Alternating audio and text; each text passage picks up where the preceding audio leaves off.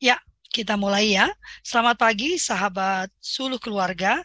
Kita bertemu kembali dalam Kultur Parenting Pagi edisi hari Rabu, tanggal 28 September tahun 2022. Dan pagi ini, loh ini kok banyak yang kelempar ini, ada apa ini? Sudah dua yang terlempar keluar ya. Dan pagi ini uh, kita akan um, mendiskusikan sesuatu yang menarik sebetulnya karena tema bulan ini masih tema persekolahan. Uh, maka pagi ini eh, kita akan mendiskusikan sesuatu yang menurut saya sangat menarik ya uh, dan membingungkan kalau menurut saya ya. Karena menempatkan anak-anak kita, kalau dulu kan kita sering ada gambarnya itu Kak Trigon yang uh, apa gajah, terus hmm. itu burung gitu ya. Terus diajarkan sekolahnya ya sekolahnya kan? sekolah. Uh, jadinya pada bingung semua menurut saya uh, uh, logika yang sama perlu diterapkan kepada anak-anak istimewa kita, gitu Kak Trigun ya. Mm -hmm. Pada saat kita menempatkan anak istimewa kita di uh, ruang yang salah atau kurang tepat, maka uh, kita sedang melakukan pelanggaran hak anak karena anak itu tidak bisa bertumbuh dengan uh, dengan apa? dengan dengan luar biasa gitu Kak Trigun ya. Uh, ya. Mak, uh, namun sayangnya Kak Trigun teman-teman ini uh, masih belum mempercayai yang namanya kita sebutnya SLB ya sekolah luar biasa gitu ya, ya Kak Trigun ya, ya. Uh, banyak banyak yang mereka pertanyakan tentang SLB sayangnya juga uh, pemerintah seolah-olah merasa SLB itu baik-baik saja gitu Kak Trigun ya. Padahal tingkat kepercayaan orang tua terhadap SLB itu sangat rendah sehingga anak-anak dipaksakan dalam tanda kutip gitu ya. Dipaksakan tuh ada Tayanti tuh rumah kerlip tuh Tayanti bergabung tuh rumah kerlip tuh. Tayanti apa kabar? Iya.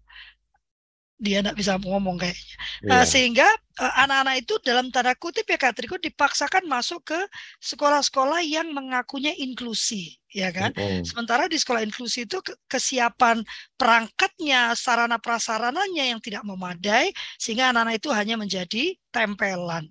Nah pagi ini Kak Trigun yang saya tahu beliau juga memiliki sebuah sekolah selain dia punya banyak pusat terapi nggak cuma satu. Sekarang udah berapa itu? 44? 45. Oh, ternyata 45. Padahal terakhir ketemu 42. Cepet banget baru dibuka sementara pandeminya sudah nambah tiga kategori luar biasa. Yang di ini nggak jadi, yang di BSD lagi uh, lagi pindah lokasi. Kemarin lokasi yang kemarin ternyata uh, izinnya susah. Nggak boleh ya? Karena ya. Peruntukannya ya. Ah, uh, peruntukannya oh, susah. Ya. Jadi nah, yang lama tuh izinnya. iya, memang selalu gitu ya kak. Nah tapi kakak luar biasa loh berizin biasa orang nggak pakai ngambil izin enggak. Nah hmm. sehingga eh, pagi ini Kak Trigo akan membicarakan sekolah untuk anak luar biasa ini atau anak kalau sekarang saya nyebutnya SLB itu orang-orang udah uh, gitu ya oke okay? maka kita sekolah untuk anak-anak berkebutuhan khusus ini seperti apa sih idealnya gitu Kak Trigunya semoga nanti ada pemerintah yang ikut mendengarkan gitu Kak Trigunya dan mungkin kita bisa bersama-sama dengan pemerintah menyusun seperti apa sih sekolah yang uh, bermartabat uh, ya Kak Trigun ya untuk anak-anak luar biasa kita. Silakan Kak Trigun. Oke, baik. Uh, terima kasih. Selamat pagi semuanya. Assalamualaikum warahmatullahi wabarakatuh. Pagi ini kita akan bicarakan tentang saya share screen dulu ya. Ya, pagi ini kita akan membicarakan tentang sekolah anak berkebutuhan khusus yang bermartabat. bermartabat. Nah, ngomongin tentang sekolah anak berkebutuhan khusus, kita uh, tarik dulu nih tentang education. Nah, bahwa sebenarnya pendidikan ini adalah hak semua orang, semua anak, semua manusia. Nah, jadi ini yang kita perlu tarik bahwa semua uh, berhak mendapatkan pendidikan. Baik itu uh, pendidikan sekolah inklusi maupun sekolah uh, khusus, nah ataupun sekolah reguler. Nah, nanti kita pagi ini juga akan membicarakan tentang sedikit tentang pendidikan sistem pendidikan di Indonesia. Nah, hmm, jadi pendidikan inklusi, pendidikan khusus, pendidikan reguler sebenarnya tetap sama prinsipnya. Sekolah siap, guru siap, sistem siap, kurikulum adaptasi siap, dan anak siap. Jadi penyiapan, kata kuncinya adalah plan. Nah, ini yang sering kali buruk. Karena kenapa? Karena uh, pendidikan di Indonesia sering kali hanya menunjuk bahwa dia sekolah inklusi, bahwa dia sekolah khusus, tapi penyiapannya kurang siap. Nah, kurang siap dari segi sarana prasarana, kurang siap dari sistem, kurang siap dari SDM-nya. SDM nih yang paling penting nih karena eh, SDM itu tonggak. Jadi sarana prasarana bisa diakalin lah dengan kreativitas guru dan seterusnya. Tapi kalau gurunya tidak siap, itulah yang menjadi bumerang pendidikan di Indonesia. Nah, sedangkan nanti kita tahu nih bahwa uh, syarat seorang anak itu uh, sekolah di sekolah khusus, sekolah uh, sekolah reguler, sekolah inklusif itu ada. Nah, jadi ini yang nantinya memang akan harus kita uh, perhatikan dengan baik. Nah, dan bahkan sebenarnya uh, sistem pendidikan sekarang ini itu sudah berbeda dari zaman dahulu. Kalau zaman dahulu itu anak jangan buru-buru disekolahin. Tapi kalau sekarang, jadi hasil penelitian terbaru justru uh, justru uh, banyak anak-anak termasuk anak berkebutuhan khusus yang sebenarnya itu akan justru lebih optimal saat dia itu diberikan stimulasi dengan bersekolah.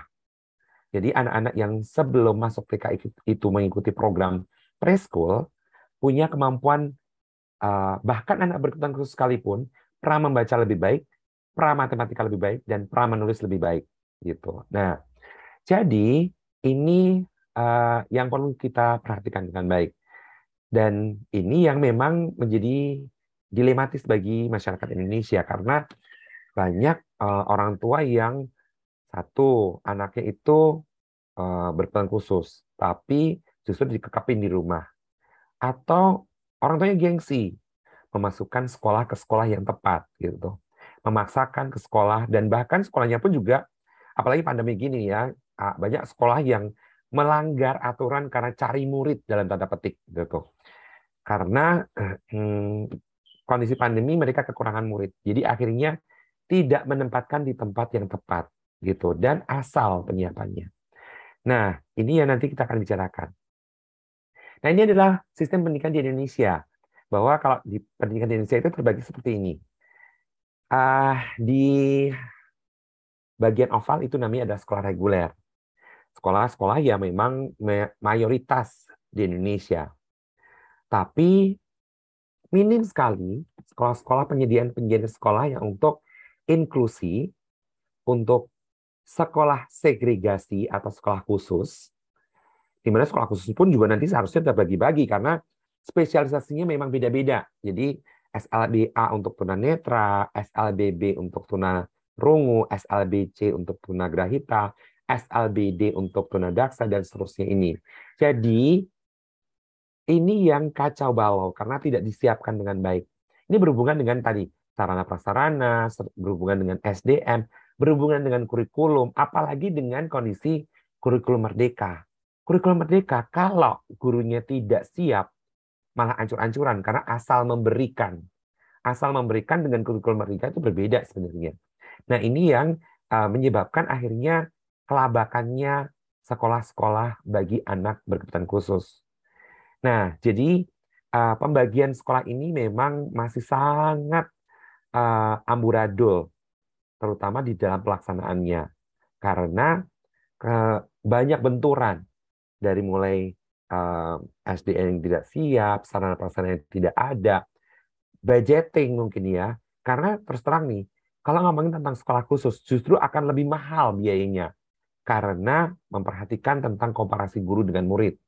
Bahkan idealnya kalau sekolah khusus itu tiga banding satu, satu guru tiga anak, menghandle tiga anak.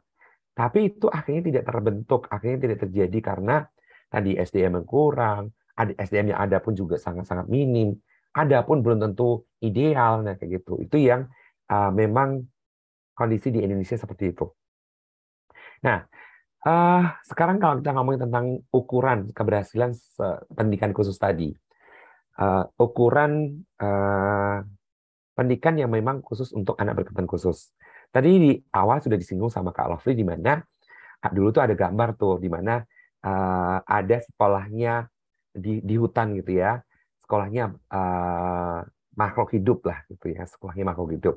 Di mana ya yang namanya burung harusnya sekolah di sekolah burung tidak diajarkan untuk berlari seperti kuda atau berenang seperti ikan. Atau tadi gajah. Gajah ya di sekolahkan ke sekolah gajah. Bukan di sekolahkan sekolah burung yang harus terbang tinggi ke atas atau tadi sekolah di sekolah ikan. Nah, jadi uh, ukuran keberhasilan pendidikan khusus itu nantinya satu yang menjadi indikator adalah kemandirian personal. Jadi kemandirian si anak didik, kemandirian si uh, siswa. Yang kedua adalah integrasi sosial. Bagaimana si anak itu mampu berintegrasi secara sosial dengan lingkungan, baik lingkungan masyarakat, lingkungan sekolah maupun lingkungan kelas dengan teman-temannya. Dan bahkan terdapat pilihan-pilihan hidup di mana pilihan-pilihan itu eh, nantinya mereka mempunyai pilihan. Jadi tidak terbatas. Jangan mentang-mentang misalnya contoh anak cerebral palsy. Mereka tidak punya pilihan hidup. Jangan mentang-mentang misalnya anak autis, jadi mereka tidak punya pilihan hidup. Nah, pilihan hidup inilah yang menjadi tolok ukur nantinya keberhasilan pendidikan khusus. Dan bahkan memenuhi kebutuhan ekonomi diri sendiri, dan bahkan nantinya punya potensi, kapasitas potensi yang berkembang optimal di usianya. Nah, itu uh, ukuran keberhasilan sebuah pendidikan untuk anak berkebutuhan khusus. Nah, uh, pendidikan anak berkebutuhan khusus tadi itu terbagi menjadi tiga level. Jadi level usia dini, di mana anak-anak yang berkebutuhan khusus masih harus mengenyam uh, intervensi dini. Kalau istilah kerennya namanya terapi lah gitu tuh. Nah jadi anak-anak usia dini, anak-anak berkebutuhan khusus yang ada di usia dini memang wajib melakukan terapi atau intervensi dini. Tanpa dilakukannya intervensi dini, mereka tidak akan bisa atau akan sulit memasuki ke jenjang berikutnya, yaitu namanya jenjang pendidikan usia akademik, di mana nanti usia akademik sudah belajar adaptasi, sosialisasi, dan bahkan tadi akademik. Dan usia transisi, di mana nanti anak-anak khusus itu uh, dari sekolah ke menuju jenjang remaja dan dewasa, di mana nanti sudah belajar tentang kecakapan hidup dan bahkan pendidikan kerja atau namanya pendidikan vokasional. Jadi inilah yang nantinya seharusnya dipikirkan oleh pemerintah untuk tiga level ini. Baik, pendidikan bagi anak berkebutuhan khusus. Usia dini, di mana melakukan intervensi dini. Usia akademik berarti melakukan pembelajaran, eh, adaptasi. Usia transisi, usia menuju ke remaja dan dewasa, melakukan pendidikan kecakapan hidup, serta pendidikan kerja atau vokasional. Nah, dan bahkan uh, akademik untuk anak berkebutuhan khusus pun disesuaikan. Jadi ini rumusnya. Ini yang sering kali tidak dipahami ini oleh sekolah-sekolah bahwa anak berkebutuhan khusus itu semakin tinggi tingkat pendidikan, semakin sedikit muatan akademiknya. Dan berganti menjadi pendidikan kecakapan hidup atau tadi pendidikan vokasional atau pendidikan kerja. Nah, jadi penekanan kurikulum itu berbanding terbalik dengan pendidikan kurikulum untuk akademik itu berbanding terbalik dengan uh, usia. Jadi nantinya uh, semakin usia meningkat, semakin akademik skillnya itu rendah, semakin kurikulum kompensatorisnya meningkat atau kurikulum kecakapan, kecakapan hidup atau kurikulum vokasional. Jadi nanti dari mulai tadi pendidikan anak usia dini, pendidikan dasar, pendidikan menengah sampai ke tingkat pendidikan tinggi itu lebih mengarah ke tingkat namanya kurikulum kompensatoris atau pendidikan kecakapan hidup atau pendidikan vokasional. Nah, termasuk nantinya bagaimana memilih uh, sekolah itu sendiri bagi anak-anak dengan kebutuhan khusus. Jadi, memilih pendidikan uh, untuk anak berkebutuhan khusus pun juga tidak boleh asal. Penentuan apakah mereka itu tipe yang seperti apa benar-benar didesain sesuai dengan si anak itu sendiri. Jadi tidak terlepas dari uh, anak itu harus di-assess. Anak itu harus dilakukan uh, uh, tes awal atau observasi. Nah, ini yang sering kali menjadi uh, permasalahan karena kemampuan, kapasitas setiap sekolah tidak mempunyai si asesor tadi. Nah, asesor di sebuah sekolah untuk anak berkebutuhan khusus dan bahkan sebenarnya bukan hanya berkebutuhan khusus aja ya. Sebenarnya semua sekolah di Indonesia reguler sekalipun itu harus punya yang namanya asesor untuk menilai apakah ini anak reguler atau tipikal atau non reguler gitu. Karena nantinya ini akan mengoptimalkan bagaimana cara belajar, bagaimana kurikulumnya, bagaimana IP-nya. Nah, kayak gitu. Nah, itu yang sering kali tidak dilakukan. Nah, ini adalah prinsip uh, bagi para panduan sebagai para para orang tua nih ya untuk memilih sekolah untuk anak berkebutuhan khusus. Jadi yang pertama prinsip prinsip dasarnya nih, the right children in the right place. Ini ini yang harus diutamakan. Tadi seperti yang Kak Lavi singgung di depan gitu ya, bahwa saat kita tidak menempatkan uh, anak di tempat yang tepat, itu sebenarnya salah satunya adalah sudah merenggut haknya. Gitu. Karena ini akan jadi sulit bagi anak berkebutuhan khusus karena memang tidak ditempatkan pada tempat yang tepat. Nah, yang kedua adalah kenali tingkat kematangan perkembangan anak. Tadi kenapa pentingnya anak berkebutuhan khusus setiap jenjang level harus diakses ulang. Dan ini harus diakses ulang loh ya. Jadi gini, assessment itu tidak dilakukan hanya satu kali seumur hidup. Enggak. Karena idealnya sebenarnya malah per enam bulan sekali. Per pergantian sebelum pergantian semester baru. Jadi uh, orang tua itu harus tahu orang tua dan profesional lah ya sebenarnya. Termasuk guru termasuk uh, nantinya apakah nih anak membutuhkan shadowing atau tidak gitu. Uh, membutuhkan shadower atau tidak. Nah orang tua harus tahu kelebihannya dan kekurangannya anak. Dan orang tua harus tahu anak uh, dan setiap anak melakukan bantuan dan koreksi yang seperti apa jadi bantuannya sejauh mana tipe bantuannya apa oh ini nggak perlu dibantu oh ini perlu dibantu itu akan sangat perlu sekali Dan orang tua harus tahu untuk termasuk dalam golongan ABK apa. Jadi uh, anak berkebutuhan khusus itu harus jelas ABK-nya jenis apa, tipenya ringan, sedang atau berat itu akan sangat menjadi bantuan bagi orang tua ataupun guru untuk menempatkan pada kelas yang tepat tadi, pembelajaran yang tepat, termasuk kurikulum yang tepat dan termasuk IP-nya yang tepat. Nah, jadi ini yang perlu dipertimbangkan. Dan orang tua tidak boleh nih ikut-ikutan seperti orang tua yang lain. Misalnya, oh anak lo di mana? Nah, akhirnya ini yang menjadi korban adalah anaknya karena ego orang tuanya untuk memasakkan ke sekolah A, ke sekolah B, ke sekolah C, gitu tuh.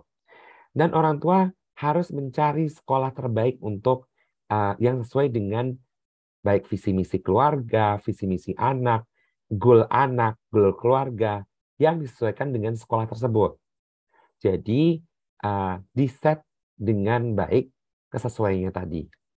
Dan orang tua tanpa kenal lelah harus terus membantu anak untuk mengejar target yang sesuai. Jadi tidak boleh membiarkan juga anak di zona nyaman, harus membantu mengeluarkan anak di zona nyaman ke zona namanya ZPD atau Zone Proximal Development dan terus tanpa lelah.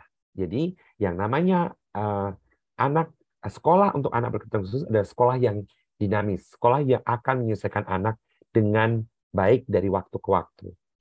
Bahkan dari hari ke hari sampai ke tingkat target semester ke semester. Nah, itu yang nantinya memang akan sangat penting sekali. Di mana sekolah untuk anak berkebutuhan khusus adalah benar-benar memilih sekolah inklusif yang baik dan sekolah pendidikan khusus yang baik.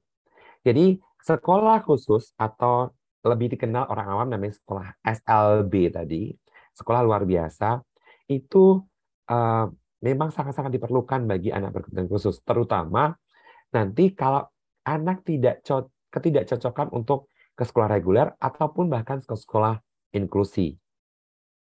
Dan bahkan sering kali uh, sekolah inklusi itu menjadi uh, tujuan gitu ya tujuan satu-satunya padahal bukan uh, sekolah inklusif juga anak itu punya prasyarat kapan uh, anak itu bisa uh, mendapatkan uh, tempat di sekolah inklusi atau tepat disekolahkan ke sekolah inklusi.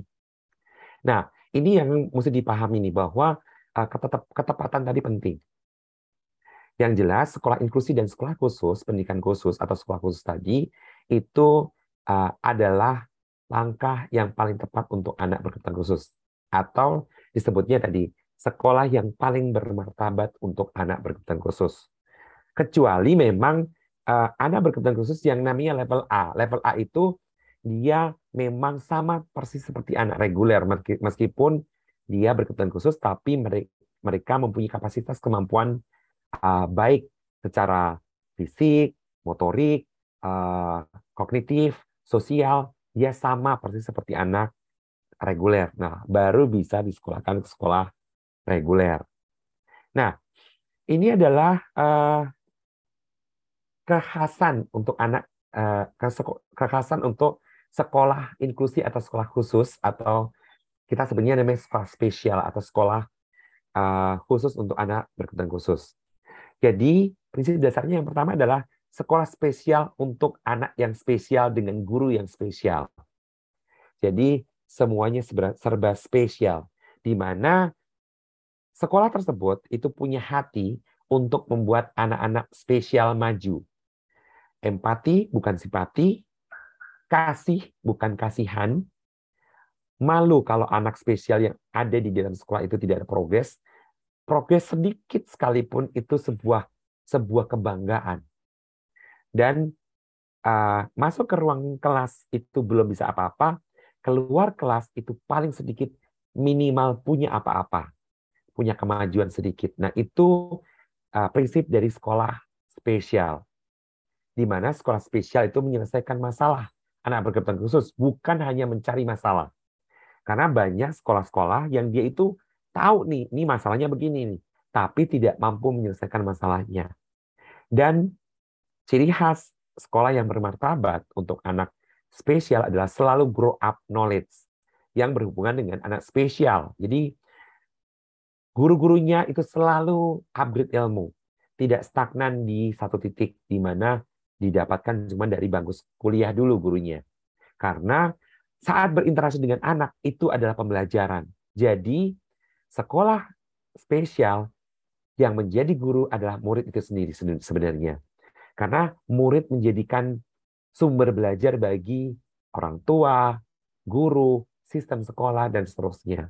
Karena di sekolah spesial, sistem yang harus beradaptasi dengan anak, bukan anak yang harus beradaptasi dengan sistem sekolah. Nah, itu yang uh, prinsip dasar dari sekolah spesial. Nah, jadi kata kuncinya adalah pemerataan untuk pendidikan, optimalisasi sumber daya pendidikan, kemauan untuk berubah, kemauan untuk memulai, dan proses yang dinamis terus-menerus. Jadi sekolah yang bermartabat untuk anak berkebutuhan khusus itu nggak gampang karena bayangin aja optimalisasi sumber daya pendidikan, kemauan untuk berubah, gurunya mau berubah, kepala sekolahnya mau berubah, kepala yayasannya harus mau berubah, mau memulai dan prosesnya itu nggak cuma sekarang, bukan cuma sekali, tapi terus menerus dinamis dari waktu ke waktu. Dan ini kata kuncinya adalah anak itu berbeda, semua anak itu dapat belajar dan kemampuannya itu disesuaikan. Jadi kayak kayak uh, ini nih, kayak uh, kayak puzzle yang harus ditempatkan ke tempat puzzle yang benar. Jadi si anak itu ditempatkan ke puzzle yang benar dan mengubah sistem agar sesuai dengan anak. Nah, itu aja dari pemaparan saya pagi ini, dan kita akan lanjut ke diskusi. Saya kembalikan dulu ke Kak Lovely. Silakan Kak Lovely. Ya, jadi tetap aja ya, memang yang diperlukan itu perubahan paradigma ya.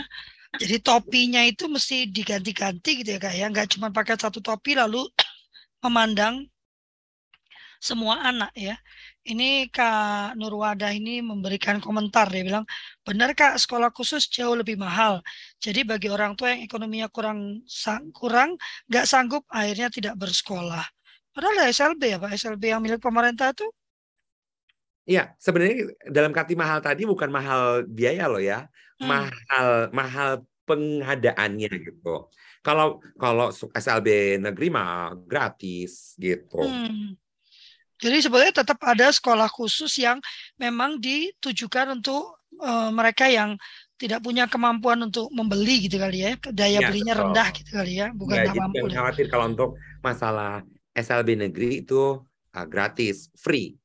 Gak nah itu, jadi permasalahannya tetap pada pencitraan SLB kali kak ya. Kenapa orang enggan? Ya, betul. Jadi memang pemerintah itu masih belum, hmm. masih belum memikirkan tentang uh, mindset orang tua zaman sekarang, zaman now. Hmm. Gitu ya. hmm. Jadi.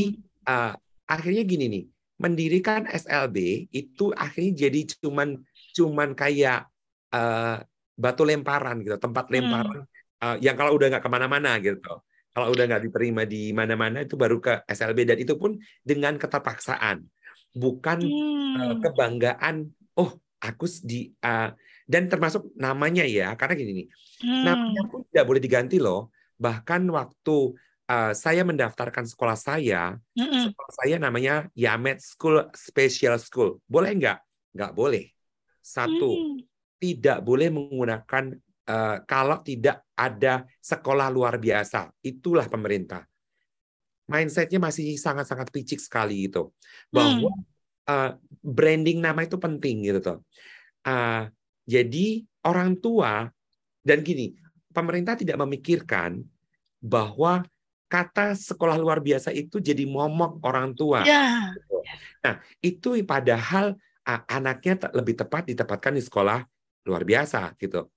Tapi untuk mem mempunyai sekolah dengan nama yang tidak pakai sekolah luar biasa pun nggak boleh gitu toh. Jadi waktu mengurus izin pun juga nggak boleh karena hmm. harus ada label sekolah luar biasa termasuk pelangnya. Pelangnya pun kalau nggak ada namanya sekolah luar biasa nggak akan dikasih izin. Nah kayak gitu tuh. What the hell gitu kan? Bahwa, kan gini nih. Kan ini kan ngomongin tentang nama branding gitu tuh. Ini misalnya contoh nama saya, nama sekolah saya Yamet School, a special school. Boleh dong harusnya. Kalaupun izinnya pakai sekolah luar biasa, kan nggak harus pakai nama sekolah luar biasa Toyo gitu. Itu pun suatu yang sangat-sangat uh, miris di, di negara ini uh, gitu. Uh. Sedangkan pemerintah tidak memikirkan bahwa uh, orang tua orang tua zaman now itu menganggap SLB itu momok banget gitu. Yeah menganggap bahwa oh kalau SLB itu ada sekolah buangan. SLB itu sekolah yang paling buruk di antara sekolah-sekolah lainnya. Nah kayak gitu. Itu yang mungkin tidak melakukan survei mungkin ya. Mungkin tidak tidak turun berpijak ke bumi kali ya. Nah itu yang menyebabkan akhirnya jadi uh, ya ya akhirnya kami harus menuruti juga akhirnya namanya. Jadi kalau di Yamet School itu ya akhirnya uh, harus menggunakan Yamet. Sekolah luar biasa Yamet gitu tuh. Tidak boleh uh, itu dan dan akhirnya ya eh, harus ikutin aturan pemerintah lah gitu. Ya itu yang saya sayangkan kan bahwa uh, nama SLB itu sangat buruk. Karena ingat saya ingat dulu waktu kita memulai pendidikan non formal ya dan informal itu itu kan dicibir abis ya kak uh, dan dianggapnya sebagai tempat buangan gitu kan kalau anak itu nggak bisa lulus dari sekolah-sekolah formal dibuang ke uh, eh, PKBM ke PNF gitu kan uh, hmm. supaya nanti bisa diluluskan dan itu butuh kerja keras untuk uh, mengubah image itu kan menjadikan non formal itu sebagai pilihan, bukan buangan. Tapi itu kan perlu perjuangan. Permasalahannya kan pemerintah juga tidak seolah-olah tidak melihat bahwa SLB itu punya nama buruk. Ini kita punya ada mana tadi ada Pak Pak eh, yang dari Aceh ini terbu terlempar sepertinya ya. Ada nih SLB Aceh. Iya, tapi tadi saya mau ngajak sama Pak Mutakin. Pak, Pak SLB Aceh Tamiang ini siapa ya? Oh Pak Mutakin, Pak Mutakin, eh, Pak Mutakin sebagai eh, apa penggerak SLB sendiri nih, apa yang eh, menurut Pak Mutakin bagaimana ini? Apa yang disampaikan Kak Trigun dan apa sebetulnya masalah di lapangan Pak Mutakin? Ya, ya apa seperti Suaranya kecil, Pak. Ketika Tribun sampaikan tadi, Kak. Halo, Pak Mutakin suaranya kecil. Ya. Ya, silakan Pak Mutakin. Ya, betul, Kak. suaranya kecil ya. Kayak menggaung.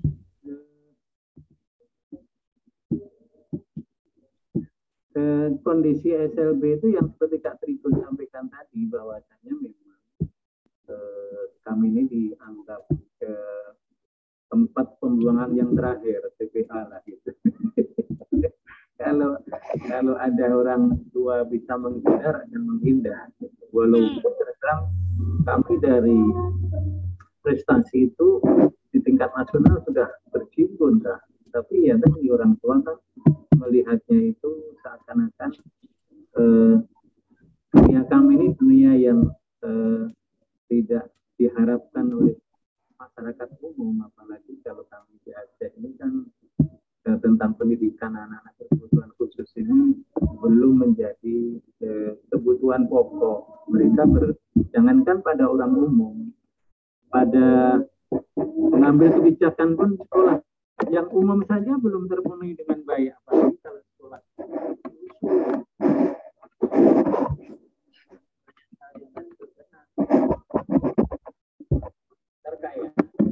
Iya, iya. Kayaknya susah banget dengarnya itu, Pak. Uh, pengambil kebijakan nah. sendiri belum memilih. Kalau kalau umpama aja pembagian kue itu kalau tinggal kalau umpamanya pembagian Eh, buah atau kue itu kalau tinggal kalau umpama aja timun itu yang bungkuk-bungkuk itulah untuk kami. Kalau yang baik-baik itu ya untuk sekolah umum lah gitu. Itu kami saya itu di labeling untuk eh, pusat eh, sekolah percontohan se-Aceh. Itu pun masih seperti ini apalagi sekolah-sekolah yang swasta, apalagi sekolah-sekolah yang baru tumbuh yang cari guru berkebutuhan khusus pun belum belum eh, memadai. Saya udah hampir pensiun selama saya asli Solo, tapi sudah mengabdi di di Aceh ini sudah tinggal setahun lagi pensiun.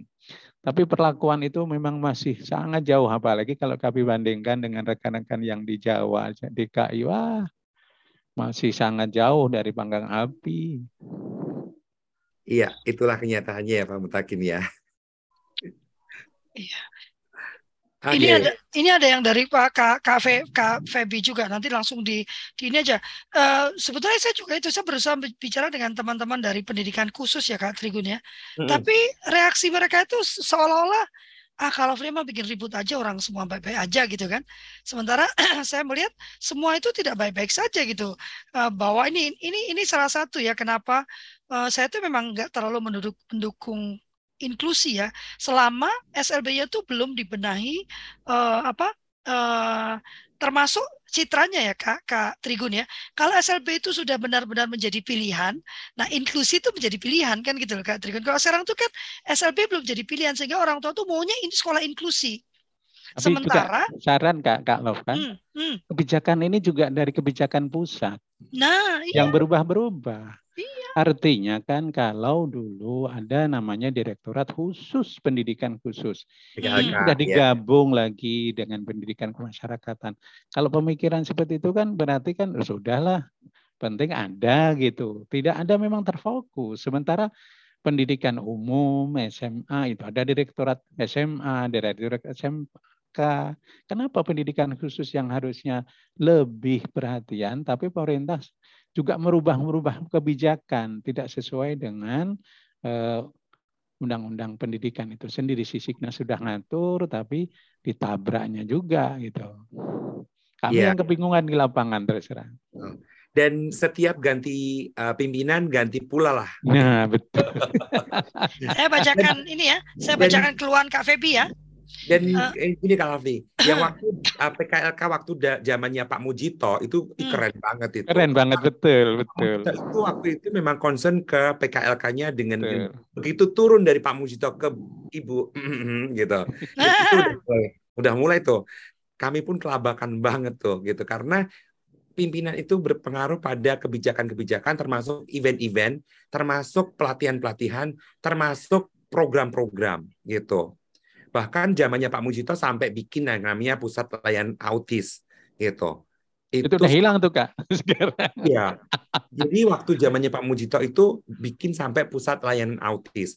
Tapi setelah itu amblas. Amblas, ya. Tuh, padahal dananya ber MM triliun bahkan tuh karena uh, semua uh, hampir provinsi semua provinsi gitu. Ya. Jawa Tengah ada dua itu kak. Iya, hmm, gitu ada. Solo ada tuh, Seragen ada, gitu. Di Jogja ada. Jogja, iya. Ya kemarin waktu Semarang saya, juga saya ada, ketemu ada. dirjen yang sebelumnya ya, bukan yang dirjen baru sekarang ya. Saya juga meminta dirjen untuk untuk membangkitkan kembali karena itu sebetulnya masih tertera di dalam peraturan menteri itu masih ada Kak Trigun. Jadi kalau masih ada kita masih bisa menuntut pemerintah untuk untuk mengaktifkan kembali. Ini saya bacakan uh, Kak Febi ya. Sharing cerita, anakku ABK bersekolah di sekolah reguler. Saat saya ingin menceritakan keadaan anak saya kepada wali kelas, saya mendapat tanggapan, apa tujuan mami cerita? Apakah supaya anak mami mendapat perlakuan khusus? Ya, namanya juga anak khusus ya. Padahal maksud saya bercerita agar guru bisa mengerti dan membantu perkembangan anak di sekolah. Sedih sih dengar tanggapannya begitu, padahal anakku masih bisa mengikuti pelajaran. Coba Kak Trigun ini kan Ya itu tadi bahwa sebenarnya gini nih, bahkan ini ya, uh, apakah ada yang salah dengan pendidikan pen, sistem pendidikan guru? Ini untuk secara umum nih. Hmm. Jadi mereka itu adalah guru di mana dia itulah yang bertanggung jawab untuk melakukan pembelajaran pendidikan ke semua orang, ke hmm. semua anak gitu, hmm. tanpa memandang. Dan gini nih, apakah tidak ada pem, materi di kuliahnya zaman dahulu bahwa pendidikan itu disesuaikan dengan bajunya masing-masing gitu. Mm. Jadi mereka kayaknya gini nih, yang penting gue ngajar, mm. melihat lo siapa terserah lo deh, lo bisa atau lo nggak bisa, gue nggak urusan gue gitu tuh. Ya kayak gitu tuh. Padahal penyerapan itu sangat tergantung pada gaya belajar mereka, teknik kita itu, teknik kita yang akan kita gunakan apa juga sangat tergantung pada keadaan murid-murid kita. Nah kayak gitu. Itu kayaknya masih belum punya mindset itu guru-guru. Jadi Betul tuh Kak Gun. Pak Trigun betul tuh. Artinya be, uh, hampir setelah saya perhatikan rekan rekan-rekan yang walaupun sudah tambah uh, gelar dengan GR-nya dengan yeah. pendidikan profesi, yeah. tapi belum menghayati tentang pendidikan itu kok dipaksakan seperti gurunya, bukan pendidikan yeah. untuk kebutuhan uh, anak. anak peserta iya. didik walaupun sekarang ada ya macam-macam tapi pemahaman guru itu tidak nyambung dengan apa yang di uh, mungkin karena juga ini kak eh, rata-rata setelah kita tanya orang mengambil jurusan guru itu karena pekerjaan bukan panggilan hati nah, iya, itu betul. yang berat betul Ya. Itu itu kondisinya sekarang ini kayak gitu Pak. Ya, jauh kali artinya dulu waktu ada SPG yang hanya tiga hmm. tahun, kemudian hmm. jadi guru kok malah menghayati yang sekarang sudah ya. uh, S1 dengan adanya profesi. Kenapa kok jadi seperti inilah uh, mindsetnya? Karena tadi orientasinya eh, hampir rata-rata ya, daripada kuliah ke SH atau ke SE, tapi lebih cepat ke pendidikan supaya nanti ada pekerjaan. Nah inilah yang sudah salah. Kalau bahasa kita nawaitunya sudah salah ya, tadi betul. niat awal tadi. Motif, motif ya, awal. saya terus terang lebih mudah menghadapi rekan-rekan tatkala saya mendirikan SLB lebih mudah dari rekan-rekan SMA kemudian tapi kita eh, asesmen dulu memang mereka itu tertarik untuk menjadi anak eh, mendidikan pendidikan khusus walaupun mereka tamatan SMA sambil belajar kemudian nanti yeah. ambil gelar S1-nya baru Betul. dan lebih jauh menghadapi kesulitan mereka yang sudah S1 tapi tidak pernah mendapatkan pendidikan inklusi kemudian Betul. nyari pekerjaan pun saya telah tanya mengapa ke SLB karena sekolah lain nggak ada. Ya udahlah ke SLB jadi kayak cuman uh, buangan akhirnya. Iya iya. Betul itu kak. Dan memang saya sendiri juga kalau nyari SDM di sekolah saya itu benar-benar jeli untuk justru yang paling penting adalah si kepribadian sama motif awal. Karena itu berhubungan dengan nantinya apakah dia itu bersungguh-sungguh untuk eh, struggle. Karena gini nanti ini berhubungan dengan resiliensi dalam dia proses mengajar. Ketangguhan dia dalam menghadapi tantangan-tantangan waktu menghadapi anak didik yang spesial gitu. Itu yang uh, uh, penting sekali memang memang mencari guru yang bukan karena justru bukan karena pendidikannya tapi ya itu lebih baik. Tapi sebenarnya yang paling penting adalah motif awal tadi.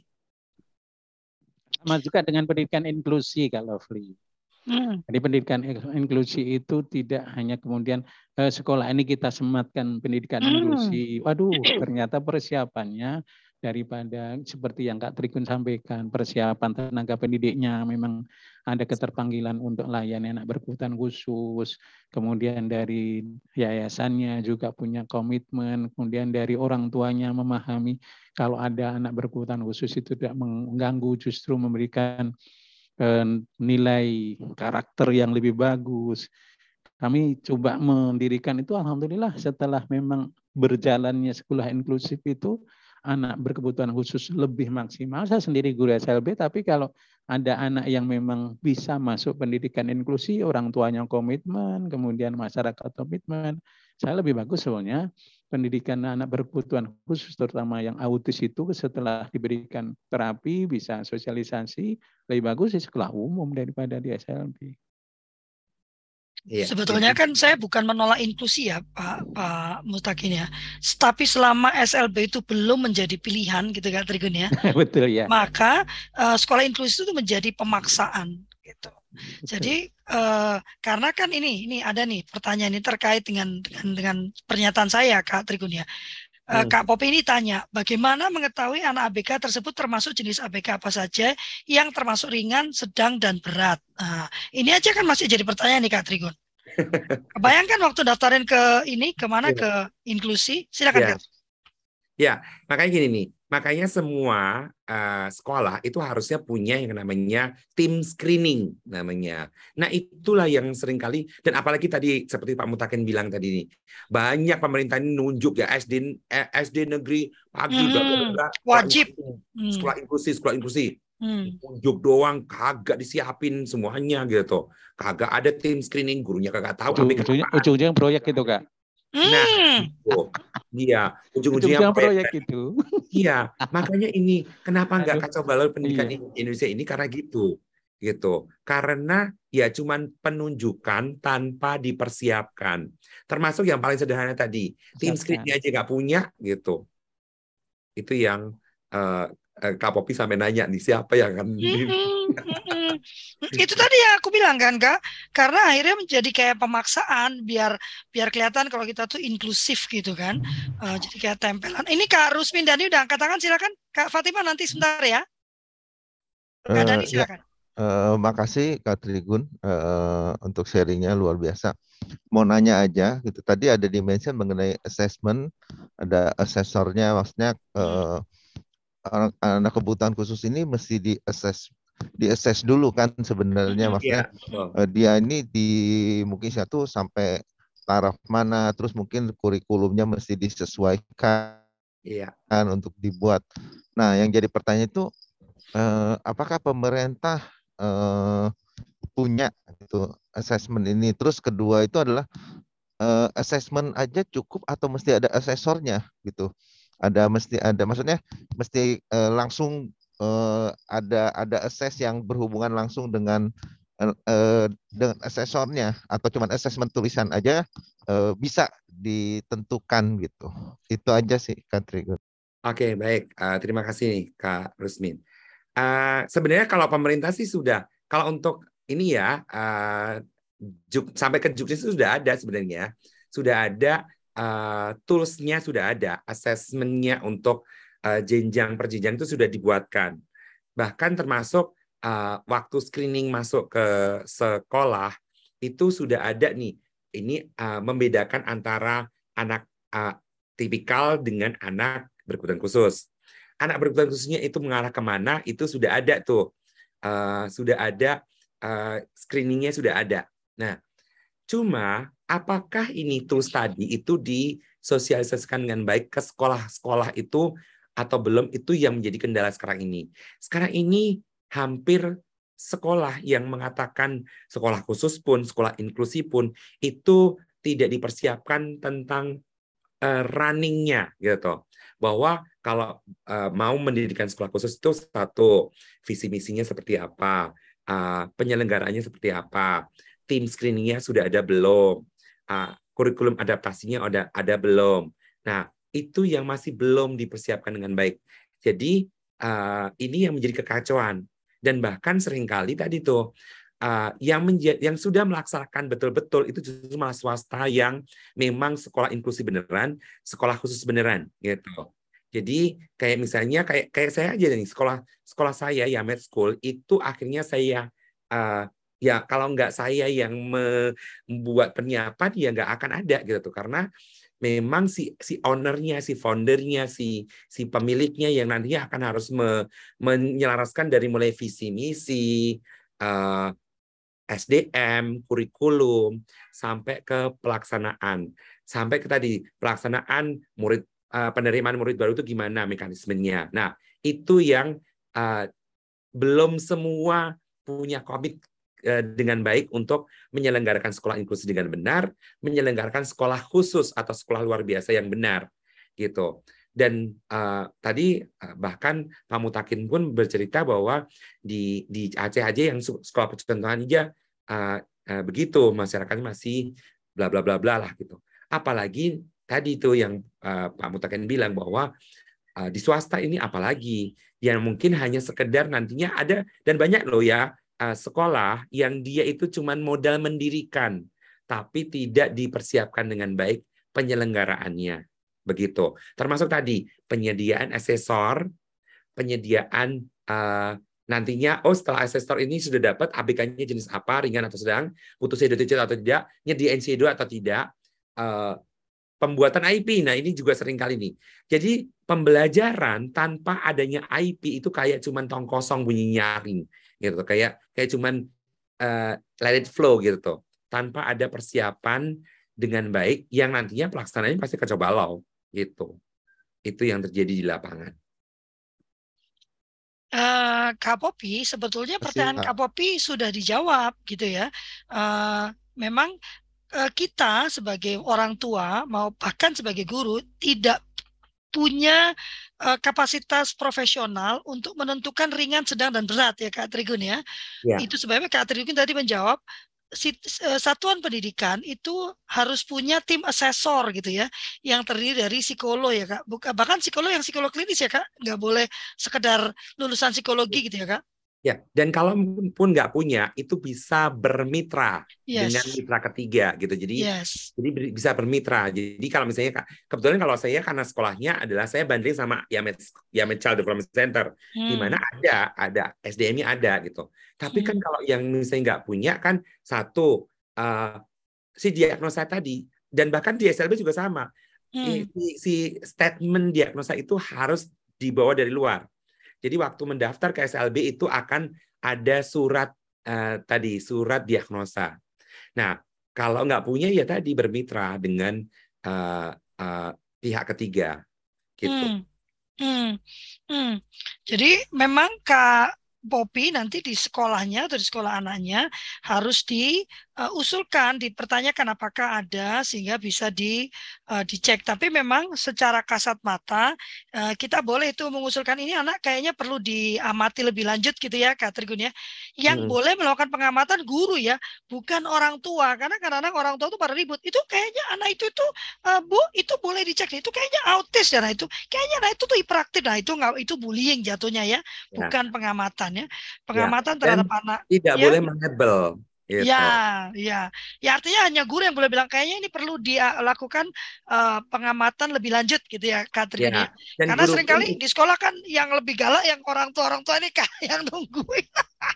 Dan dan guru pun juga tidak boleh membuat namanya statement yes. diagnosa. Yes. Jadi mem, hanya memberikan deskripsi bahwa Bun, anak Bunda seminggu ini mendapat uh, kami dapatkan ciri-ciri seperti ini, seperti ini, seperti ini. Ya, mohon. Nah, mohon dilakukan pemeriksaan. Cek lanjut, iya. Oh, iya. Jadi itu yang uh, yang laku, melakukan label tadi adalah profesional. Iya. Sayangnya orang tua terus gini, maksudnya apa?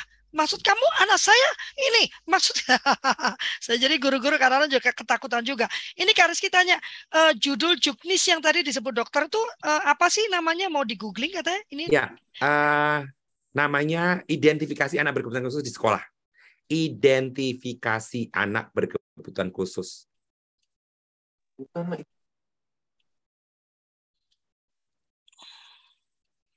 Ini ya Ah, oke. Okay. Ya. Uh, sudah jam 8, silakan closing statement. Oke, okay, baik. Uh, membicarakan tentang sekolah khusus itu memang uh, luar biasa ya. Seperti labelnya namanya sekolah luar biasa, sekolah khusus. Nah, dan ini yang membuat miris gitu karena uh, memang belum terlaksananya dengan baik pendidikan uh, secara optimal. Ini kita ngomong secara optimal ya, secara optimal di Indonesia. Menempatkan anak di tempat yang tepat tadi masih belum, masih banyak dan itu yang menjadi bumerang. Yang nantinya justru malah menjadi uh, kekacauan uh, guru, kekacauan orang tua, kekacauan murid. Jadi akhirnya justru tidak optimal pendidikannya. Nah, makanya pentingnya uh, kita membuat sistem ini dan kita harus dari grassroots akhirnya. Kenapa? Karena kalau ngandelin dari pemerintah ya akan sangat sulit tadi itu. Kalau kita ngandelin sampai nunggu dari pemerintah gitu ya, akan sangat sulit. Memang kita mau nggak mau ya ayo bersama-sama ah, penyelenggara sekolah ah, inklusi, penyelenggara sekolah sekolah khusus itu mengoptimalkan dengan baik penyelenggaraannya dengan uh, baik dari mulai screening anak sampai ke tingkat evaluasi di tiap semesternya ataupun sampai ke tingkat nantinya kelulusan. Nah, itu nggak gampang karena harus mencari sesuai dengan kebutuhannya anak tadi. Bukan memaksakan dengan sistem kita untuk anak.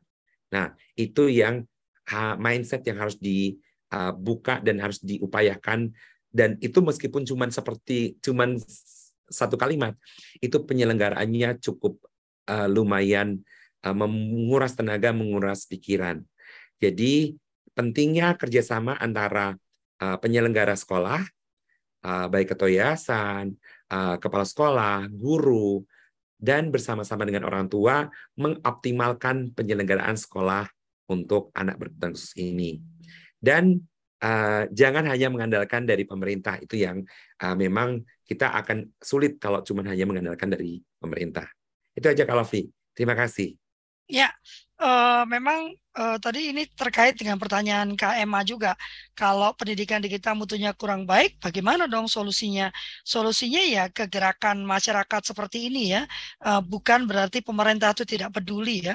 Pemerintah pun berusaha keras untuk melakukan perbaikan. Saya nggak berkata mereka itu benar-benar uh, ada kerjanya gitu ya. Cuman kan uh, dengan luas wilayah sebesar kita ini akan sangat sulit pemerintah pusat untuk mengcover semuanya. Maka adalah uh, kita yang kemudian mengambil inisiatif ya Kak Trigun ya untuk membuat praktik baik praktik baik ya mengumpulkan praktik baik. Itu kan hobinya Teh Yanti itu. Teh Yanti itu senang sekali mengumpulkan praktik baik dan itu yang kemudian kita munculkan ke permukaan sehingga wilayah-wilayah lain itu bisa melihat bahwa ini sudah pernah dilakukan dan ini eh, kendalanya dan ini cara solusinya dan bisa dicobakan di tempat yang lain. Jadi mari kita tidak hanya menuding pemerintah ya, mari kita juga bergerak gitu ya. Uh, Ya, ya itu tadi Kak Febi ya, Kak Febi tanya kesannya pengawasannya oleh guru tidak berjalan karena uh, yang saya sedihkan dalam sekolah inklusi itu tidak tidak pahamnya perangkat ya. Sarana prasarananya belum siap gitu ya. Mau bilang sarana eh, biasanya bentuk sekolahnya pun belum ramah anak berkebutuhan khusus ya kak ya. Misalnya tangganya pegangannya karena anak-anak yang uh, autis misalnya itu kan dia sulit meng meng mengontrol gerakan uh, ininya juga ya kak ya gerakan tubuhnya ya sehingga kalau tempat-tempat itu misalnya tangganya terlalu banyak uh, terlalu lebar atau terlalu banyak lah ya yang harus diperhatikan. Dan ini kan memang tidak dirancang jangankan dirancang untuk anak berkebutuhan khusus Kak Trigun ya. Jangan-jangan untuk anak pun tidak diperhitungkan ya Kak ya. Anak secara umum ya. Jadi ini akan satu pembicaraan yang luar biasa dan Kak Trigun akan hadir satu bulan sekali setidaknya di dalam uh, kultur, uh, kultur parenting pagi. Dan saya memang kesulitan ya karena terus terang saya tidak terlalu memahami uh, permasalahan di dalam SLB.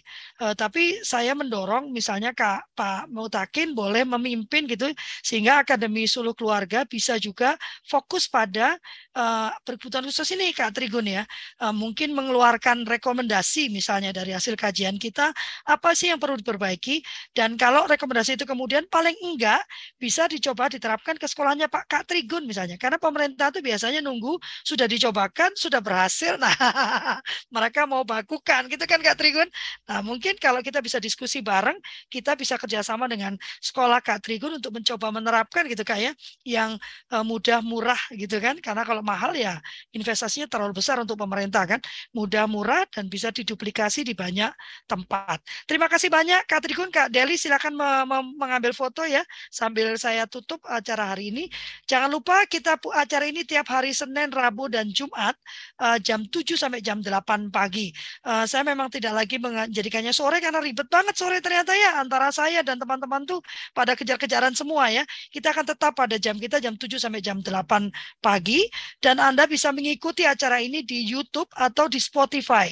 Dan biasanya Kak Trigun setelah acara ini selesai mohon Kak Trigun menyerahkan PowerPoint-nya ke Kak Deli karena Kak Deli akan langsung mengubahnya menjadi VT ya, video untuk TikTok dan Instagram. Uh, jadi kita udah uh, berkembang Kak.